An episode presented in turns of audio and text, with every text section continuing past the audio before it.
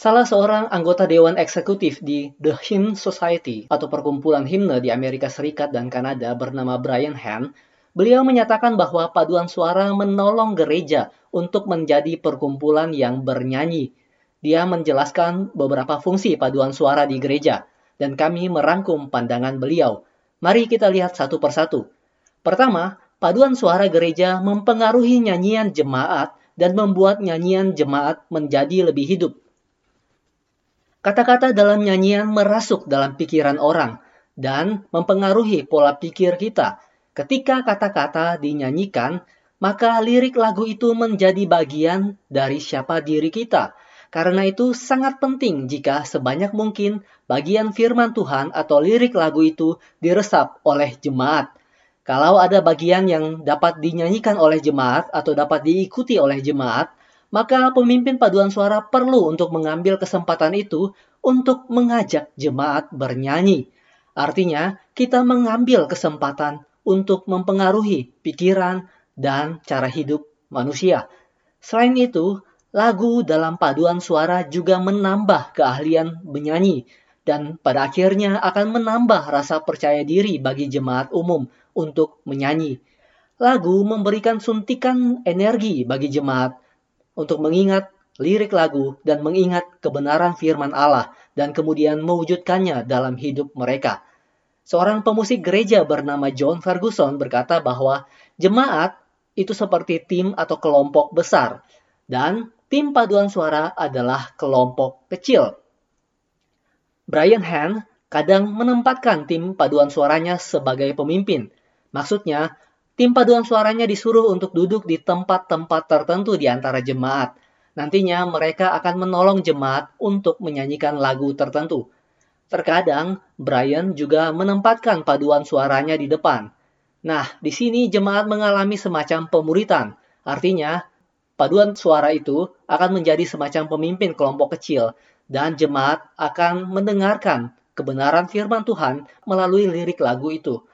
Nah, di masa pandemi seperti ini, memang kita jarang mendengarkan pelayanan paduan suara.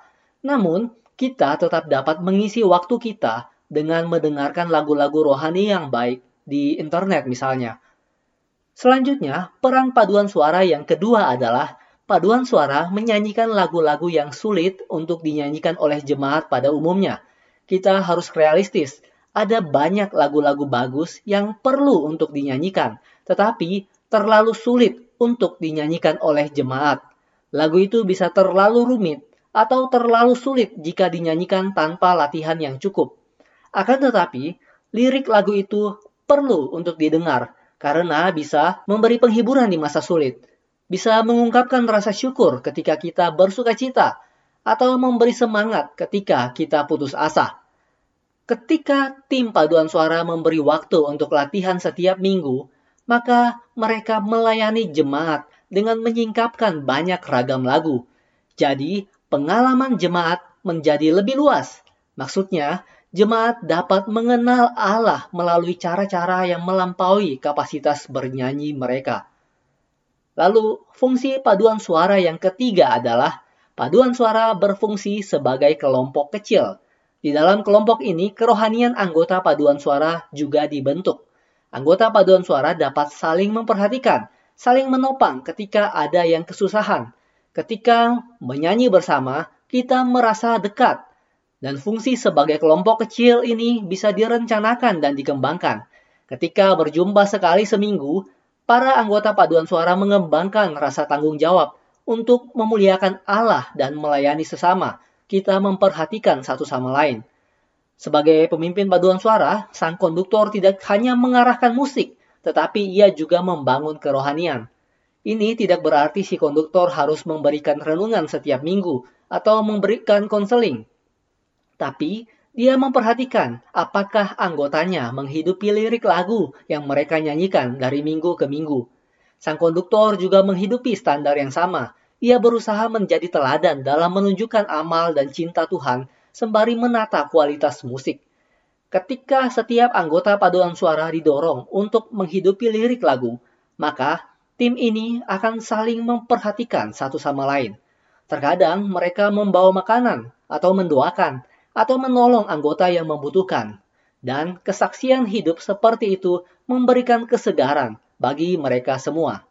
Nah, di masa pandemi seperti ini, kira-kira seperti apa fungsi kelompok kecil dalam paduan suara ini dapat dijalankan? Saudara dapat memberikan komentar nanti setelah rangkuman renungan berikut.